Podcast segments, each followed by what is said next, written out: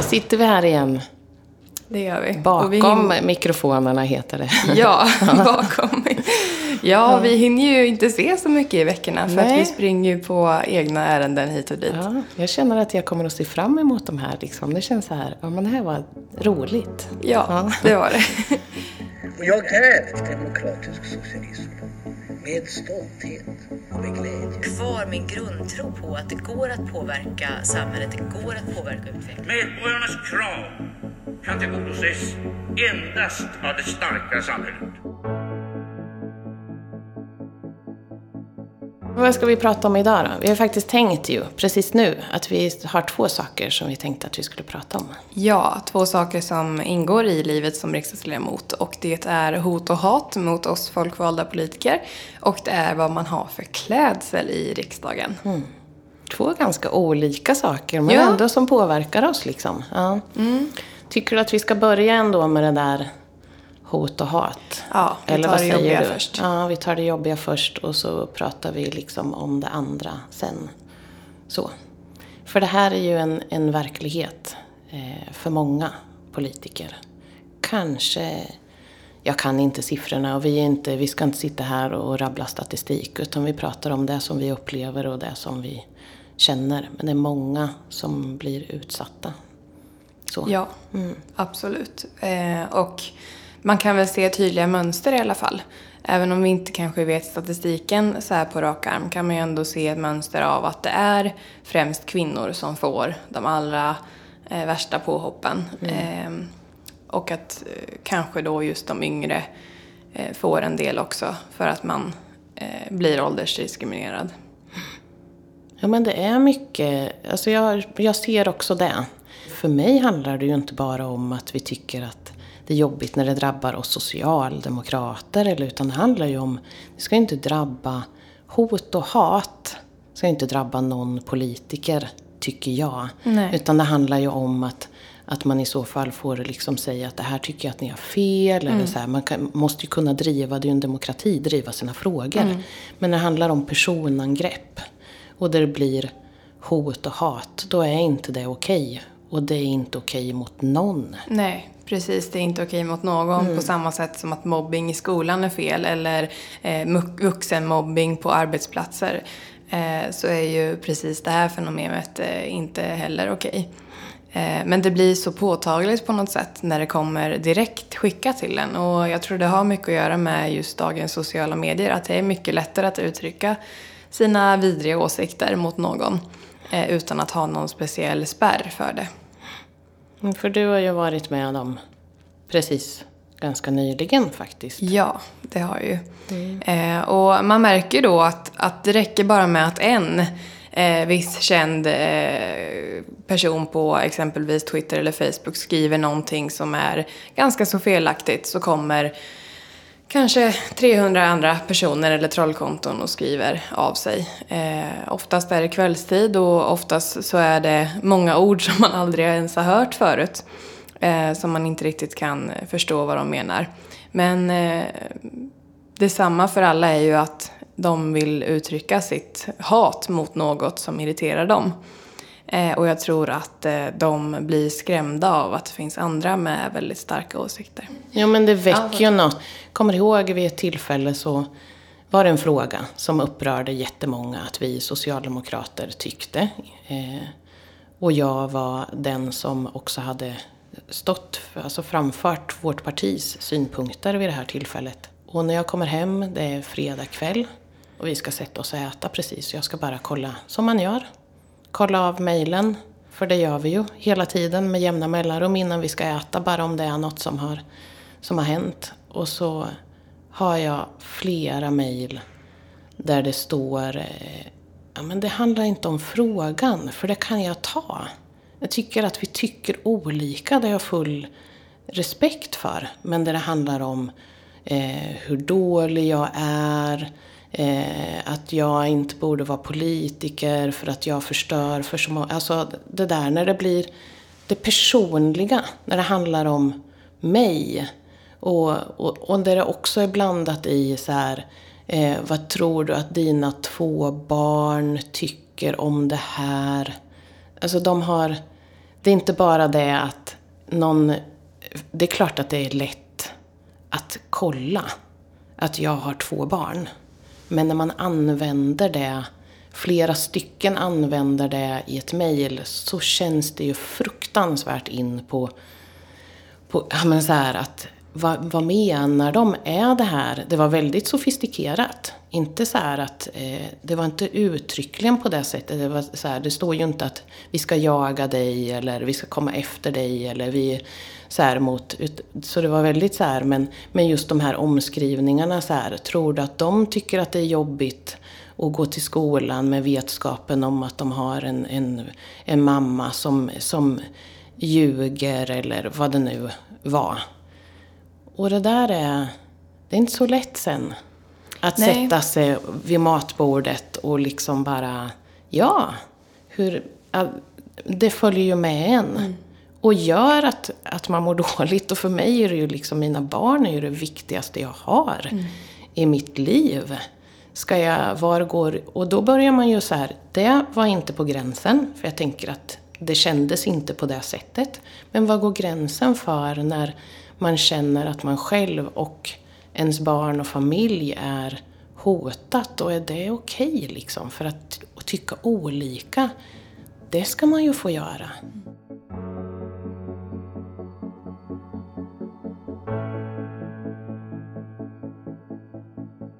Det är ju ett intrång på ens privata sfär. Och det är ju som du säger, såklart att alla människor inte ska hålla med oss om vad vi tycker. Herregud, vi lever i en demokrati såklart.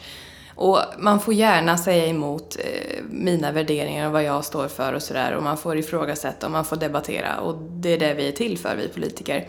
Men just när de använder sig av våra personliga tillhörigheter, våra hemadresser eh, och det blir så himla nära inpå ens egen skinn. Jag menar, jag har fått samtal från eh, personer som har lämnat eh, hotfulla röstbrevlådemeddelanden.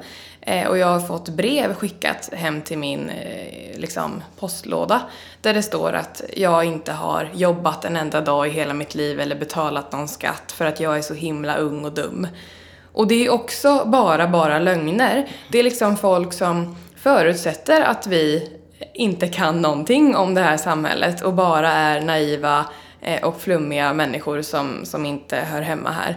Och det är väldigt, väldigt jobbigt att höra för att det är så mycket lögner så att man, man vet inte om man ska skratta eller gråta. Och man undrar ju vilka de här personerna är. Och det här är ju problemet med anonymitet att när man skriver anonyma brev eller när man ringer från ett dolt nummer eller när man skriver hatfulla kommentarer från ett anonymt Twitterkonto så kan ju inte vi se vem det här är. Och just därför tycker jag exempelvis att tv-programmet Trolljägarna är väldigt intressant för att de faktiskt eh, ja, visar vem personen bakom eh, de här kommentarerna är. Och då är det inte så himla kul längre för den personen som faktiskt måste blotta sitt, sitt ansikte och säga att det var den. Men det är väl där också någonstans tycker jag, för att det känns så orättvist. För det är ju inte, man spelar inte på samma nivå. Den andra som ut, alltså, säger hot och så här, kan, kan göra det och vara anonym om man inte verkligen, ja men så. För jag har i alla fall inga möjligheter att kolla upp det. Men, men vi är offentliga och vi är synliga och det, så att det är inte, det är så, det känns också orättvist på något sätt. Man, man spelar inte på samma bollplan eller ja men så. Spelplan. Ja. Spelplan. ja. Så. För att det tänker jag att, ja, om man, om man vill något, om man tycker något, ja men visa då också vem du är så att vi också kan få prata. För det går ju heller inte att bemöta en sån Nej, fråga. Verkligen inte. Och om man kollar på alla de kommentarer som, som jag fick i, i den här senaste trollstormen, men jag har också fått flera tidigare, så, så om jag bara hade svarat på någon så hade det ju kommit 400 personer till som hade skrivit eh, mer motargument, eller det är inte ens argument, det är bara dumma saker taget ur luften liksom. Så att det hjälper ju inte heller att bemöta det här utan man får bara helt enkelt ignorera det för att rädda sig själv tror jag.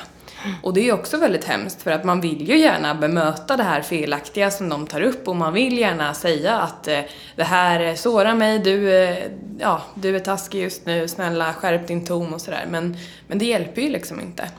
Och det här är ju baksidan av sociala medier. Och om man ser på det du och jag har fått Eva, är ju bara en bråkdel av vad exempelvis Annie Lööf eller Annika Strandhäll eller andra eh, större kvinnliga politiker får varje dag i sina eh, trådar eh, och i sina inkorgar. Eh, så på så sätt är vi ganska förskonade men det är ändå ett problem. Ingen är ju värd att få den här eh, hatstormen. Det är den, men, men de reagerar också. Annie Lööf kan ju inte heller, tänker jag, bara så här, ja det där är ingenting. Det är klart att, att det känns. Det gör det ju för alla oss. Sen hanterar man ju det på olika sätt och så. Jag tänker också, vad, vad gör det här för demokratin? Ja, och där vet vi ju vi, eller vi tror ju på och är helt övertygade om att kärleken vinner över hatet. Men såklart, när det här hatet eh, lyckas med att tysta oss eh, och skrämma oss, då har ju de vunnit. Och det är ju den kampen vi aldrig får förlora. Utan det är den kampen vi alltid måste ta, att kärleken övervinner allting. Eh, och ingen vill ha, jag tror ingen vill ha ett samhälle där vi är hatiska mot varandra. Eh, eller där vi har den här mentaliteten i samtalstonen. Eh, i riksdagen så är det ju väldigt, eh, väldigt bra att vi har ett, ja, men en plenisal där vi möter varandra med respekt och vi är tysta när andra pratar och sådär. Till skillnad från andra aktuella parlament. men eh, just samtalstonen på internet eh, eller i andra skriftliga eh, trådar har ju blivit värre. Eh, och det är väl det värsta, skulle jag säga. Så vad tänkte du då? Var det sånt som gjorde att det ändå gick att hantera det som hände nyligen? Ja, verkligen. För att just den frågan som jag var aktuell i så var det ju fler som höll med mig än fler som eh, tyckte att jag var dum i huvudet. Och jag tror att det, den vetskapen behöver man verkligen eh, ta åt sig och bära med sig. Eh, för om man inte tänker på det så är det lätt att slukas med i de här dumma orden de skriver om vem jag är som person och hur jag är och de har ingen aning om vem jag är. Mm. Att man får backa lite. Ja, verkligen. Man får distansera sig från det. Ja. Eh, och det är ju svårt att sluta läsa när man får notiser om att kommentarer rullar in men till slut får man nog bara sluta. För att man blir beroende av att, eh, att bara ta åt sig det här tror jag. Och det bryter ju ner människor. Nej. Så att det är viktigt på något sätt att ändå om man håller med, att man backar upp någon som är som har blivit utsatt för mycket ja, hat och hot. Absolut. Det behövs ju, ja men om vi tar en Twittertråd till exempel så behövs det ju balans i de diskussionerna. Eh, om, eh, om det bara är massa troll som skriver negativa saker så behöver ju ändå våra vänner gå in och, och backa upp ibland skulle jag säga. För att balansera upp det. För ibland kan man ju få en uppfattning om att, att, det, att, att många tycker på ett sätt. Alltså, det är mycket hat och hot i en tråd till ja. exempel. Eh, men då är det också kanske så att vi inte alltid är så bra på att skriva det när vi håller med om saker. Nej. Vi är ganska duktiga på att gilla, mm. men inte just att mm. uttrycka mm. vad vi tycker också. Mm. Men nu tänker jag att du tog ju upp en, vikt, alltså en viktig sak. Att eh, Det här med att man måste också skilja, för vi kan inte heller, vi, vi kan inte börja säga att vi har fått hat och hot när vi inte får det. Om du förstår vad jag menar. För att människor, att, att vi får mejl från människor som säger att de inte tycker som vi och att de försöker att påverka oss i en riktning eller vad det nu är. Det vill vi ju ha. Ja, absolut. Så det är ju inte det det handlar om. Jag tycker faktiskt, jag menar det på allvar, jag tycker det är jättebra när människor mejlar också de här som verkligen så här, nej jag tycker inte att ni har rätt i vad det nu är. För det är ju mm. viktigt att vi får se det. Det är ju också ett sätt, det är ju demokrati att människor kan höra av sig och här håller jag inte med eller vad det nu är. Men det är inte det vi pratar om. För det tycker vi ju är viktigt att det fortsätter att vara så. Men det vi pratar om är ju när det blir personliga angrepp. Exakt.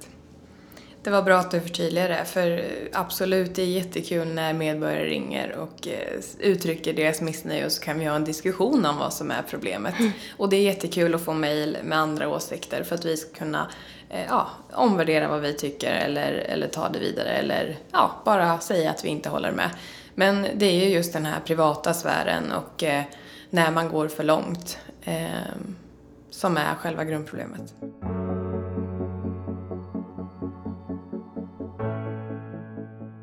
Sammanfatta detta på något sätt. Ja. Eh, det är jobbigt att få hat och hot. Det är liksom en sak. Det tycker jag är viktigt att komma ihåg, att man är schysst i tonen, att vi är det, men att också alla är det mot varandra, oavsett om man tycker olika. Eh, för att det är oschysst att vara på något annat sätt. Men att det också finns en risk att det påverkar demokratin och att vi bör faktiskt prata om det. Eh, både att kanske människor inte säger saker eller går ut, men sen tror jag också att det handlar om att vilka politiker vi vill ha där. Vi vill ju inte att det bara ska vara möjligt att klara av att ha ett politiskt uppdrag om man är hårdhudad eller liksom sätter upp en så här. Vi vill ju att det ska vara möjligt för vanliga människor att orka engagera sig i politiken. Och då behöver vi ha en schysst ton som inte handlar om att vi måste hålla med varandra hela tiden, men att vi inte angriper varandra personligen. Inte slag under bälten. Och då måste vi som politiker också föregå med gott exempel, för det gör vi inte alltid. För om vi håller på och säger oschyssta saker till varandra, då ger ju vi också någon slags signal till människor att det är okej. Ja men verkligen. Eh, och mina två medskick är ju att eh, alla ni som sitter och skriver bakom anonyma konton, ni är väldigt fega. Var er själva istället och stå för vad ni tycker. Och det andra är att vi måste bli bättre på källkritik också.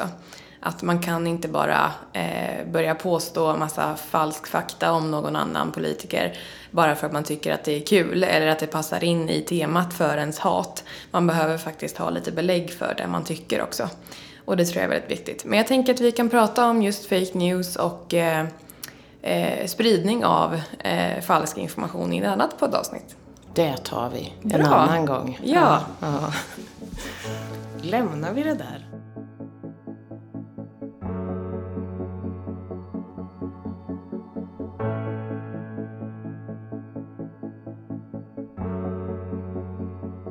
Nu går vi över till något helt annat. Ja!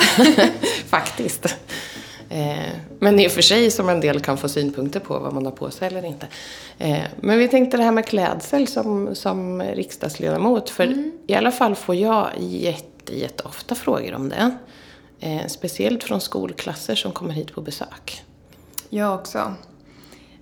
Och jag tror att det kanske finns en del fördomar om, om just riksdagshuset i allmänhet men också av hur en politiker eh, ser ut eller är. Och jag tror att många har bilden av att alla är kostymklädda nissar i eh, svart läderväska och eh, myggjagare på fötterna. Men riktigt så är det ju inte. Eh, eller att vi ska se ut som kungligheter och, och går på fest i långklänning varje kväll och så är det ju inte heller. Men Eva, vad skulle du säga är eh, Eh, klädkoden för oss ledamöter? Ja, men jag skulle säga att det är att vara välklädd. Att man...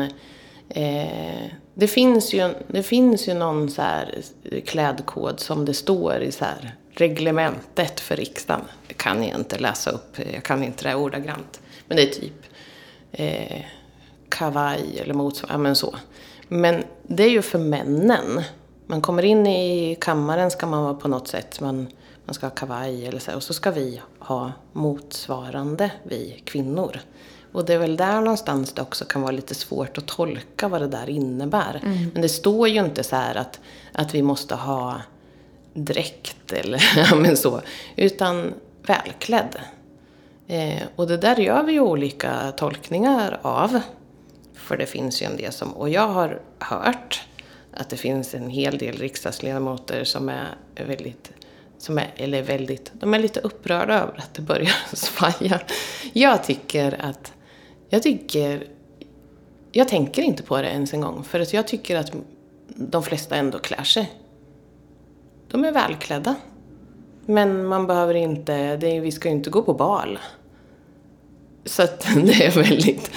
Och varför är, vad tänker du så här? Vad, tycker du att det är bra att vi har någon slags klädkod i riksdagen? Eller vad är din uppfattning om det? Ja, jag tycker ju också att den är väldigt luddig. För att som kvinna så har man ju inte samma tydliga instruktioner som männen har. Männen har väldigt eh, uttalat en, en kavajklädkod om man är i kammaren. Och eh, då är det ju så att om man glömmer en kavaj eller inte har på sig en kavaj så finns det ju lånekavajer till och med. Men jag tänker i stort att det handlar väl om, om respekt. Mm. Eh, respekt för demokratin och respekt för det här uppdraget. Att det är ju inte varenda svensk som har det här jobbet liksom. Vi är ju bara 349 ledamöter. Eh, och på något sätt så är vi ju eh, offentliga personer som jobbar i en väldigt offentlig miljö. Vi eh, syns ju väldigt ofta på TV och eh, allt vi gör i kammaren filmas ju och kommer att finnas på internet i all evighet troligtvis. Eh, och då handlar det väl om att man ska ändå eh, se välklädd ut för att eh, ja, visa respekt. Men jag håller med om det. För mig var det, jag kan säga att jag vet exakt vilket ögonblick som jag förändrades lite i synen på kläder. För att jag har nog alltid tyckt förut när jag var yngre att det var jobbigt att vara för uppklädd. Det var värre nästan att man kom att vara för uppklädd. Jag vet inte varför, men så tyckte jag. Men så var jag i, med eh, en skola på så här skolutbyte. Det var när jag var kommunpolitiker så skulle man vara en, en rektor och eh, två, tre lärare och en kommunpolitiker. Och då var vi i Uganda. Och då hittade jag, för att jag är väldigt kär i klänningar, jag tycker att det är väldigt fint och bekvämt och på alla sätt. Och då hittade jag en jättefin klänning i Uganda som jag köpte. Som jag hade på ett seminarium när vi skulle träffa, ja men det var ja men, skol, människor som jobbade i skolan och sådär. Så då hade jag den klänningen på mig. Och jag fick så otroligt mycket, det handlar inte, alltså värme skulle jag säga. Av människor som kom fram och sa bara Vi är så glada över att du har klätt dig så här fint för att du visar verkligen att du tycker att det här är ett viktigt möte och träffa oss. Eh, att du har klätt upp dig och, och har en sån här fin klänning och så var det, de ju också sådär att det, att det var en klänning som jag hade köpt där. Men det var, det var nog inte det. Det var att jag visade respekt. Och jag hade nog aldrig tänkt på det ur det perspektivet riktigt, att det hade gått in i mig innan. Och sen efter det så bara, jaha, men just det. Det är ungefär som det här med att passa tider va. Man visar respekt genom att inte komma för sent. Och man visar respekt genom att man, man liksom inte kommer i en trasig tröja. Så här. Jag tror att det är precis det som det här med klädkoden handlar om. Och det var för mig så här, aha, så nu känner jag inte att det är jobbigt att vara för uppklädd. För jag tänker att det är så att människor uppfattar det som det. Och det har jag nu hört på flera håll sådär att när man kommer att eh, ja men vad trevligt. ja men sådär att man, ja, att man visar respekt.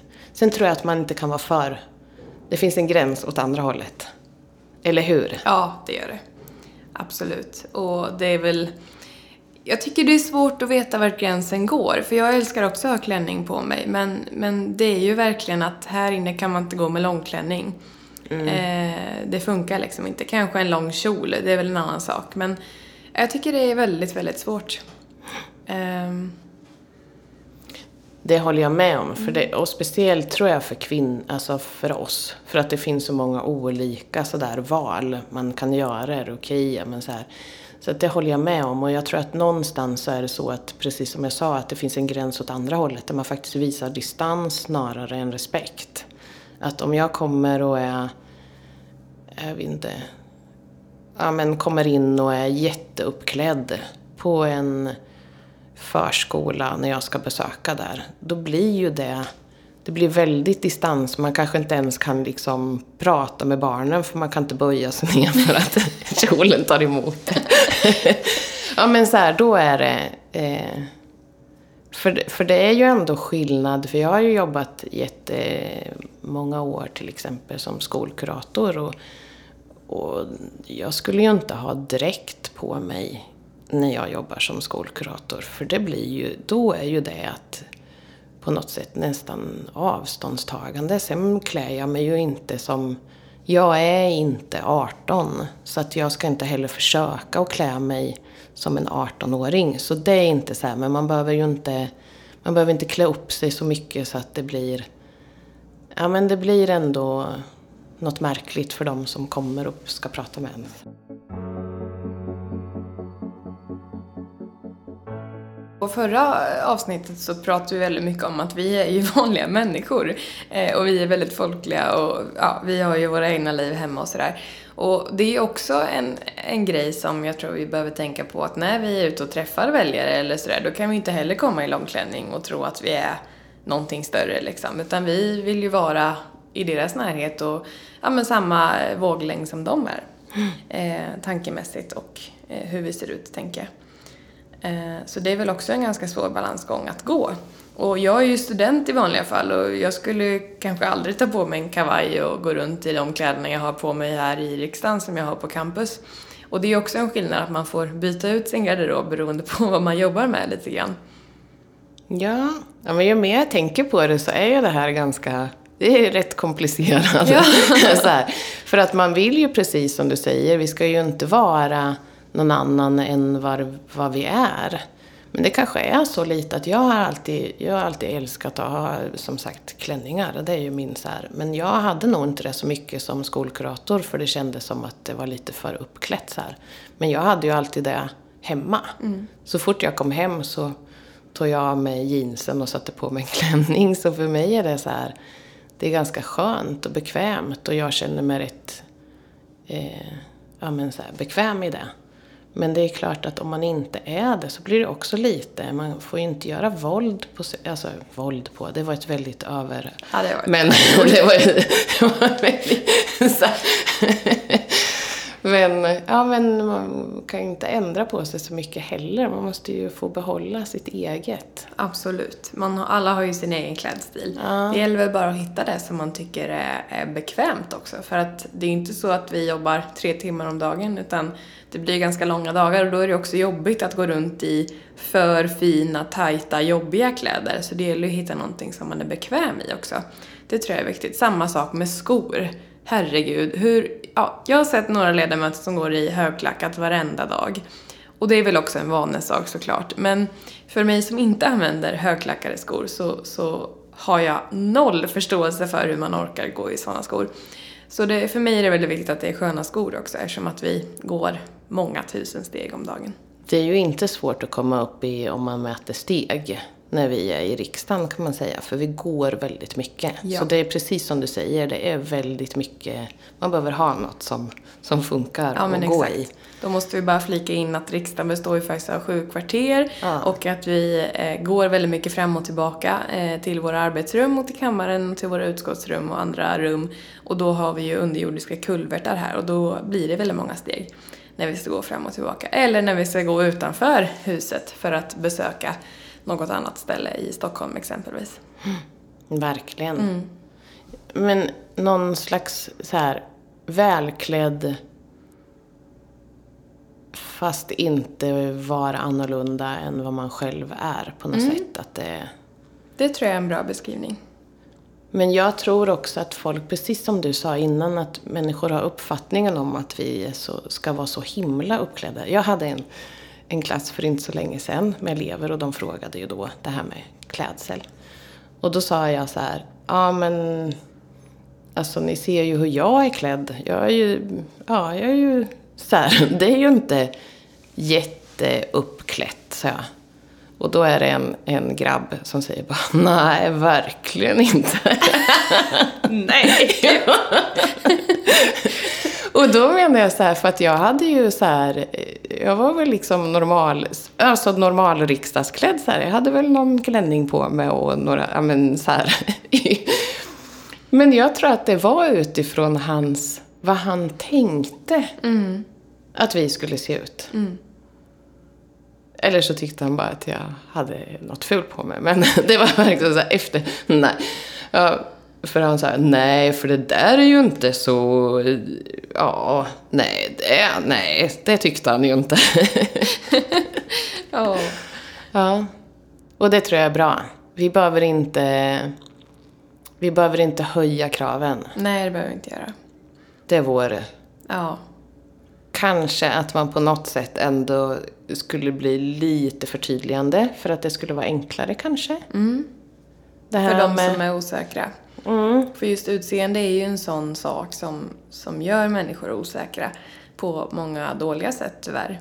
Eh, Men just klädsel är ju också väldigt svårt för man vill ju passa in. Man vill inte vara för uppklädd, man vill inte vara för underklädd för det är ett stressmoment om man är i ett möte exempelvis. Så ja, lite tydligare riktlinjer från talmannen kanske. Mm. Vi det skickar det här till jag- dig, Andreas. Jag har hört något ryktas om att talmannen eh, gärna vill förtydliga det där. Men jag vet inte. Nej. Jag har ärligt talat inte varit en, en jätteviktig fråga, men jag har hört någonting om det. Mm. Vi får väl se. Vi får gå och snacka lite med Andreas. Ja, det får vi göra. Ja. Men ja, jeans och t-shirt ska man undvika. Jeans och t-shirt undviker vi och det finns ett tillfälle när någon inte har blivit insläppt i kammaren, har jag hört. Jag har också hört det. Ja. Ja, då fick man ta på sig en långkavaj. Ja, en gång. Ja. Men inte mer. Ja, man kanske får göra en studie i detta. Någon kan väl liksom skicka till oss och säga att... En SIFO-undersökning. Ja, ja, precis. Det här har jag sett. Ja. Jag tror att eh, det kunde vara spännande. Ja, har vi något mer på kläder? Jag tror inte det. Nej. Det känns som att vi har uttömt frågan om, om detta. Vi har också kommit fram till vad vi tycker. Ja. Så att det känns ju bra att vi kan skicka med det till, till talmannen och, och hans eh, grupp runt omkring honom. Och så. Ja. ja. Tack. Om man vill se hur riksdagsledamöter klär sig får man kolla på internet eller komma till huset på besök. Precis. Bra. Vi hörs igen om en vecka då. Det gör vi. Tack för idag Erika. Tack själv. Hej då. Hej då. Den demokratiska socialismen är en revolt mot den sakernas ordning som dömer de ojämförligt flesta att stanna i växandet och kväva sina bästa stämningars längtan.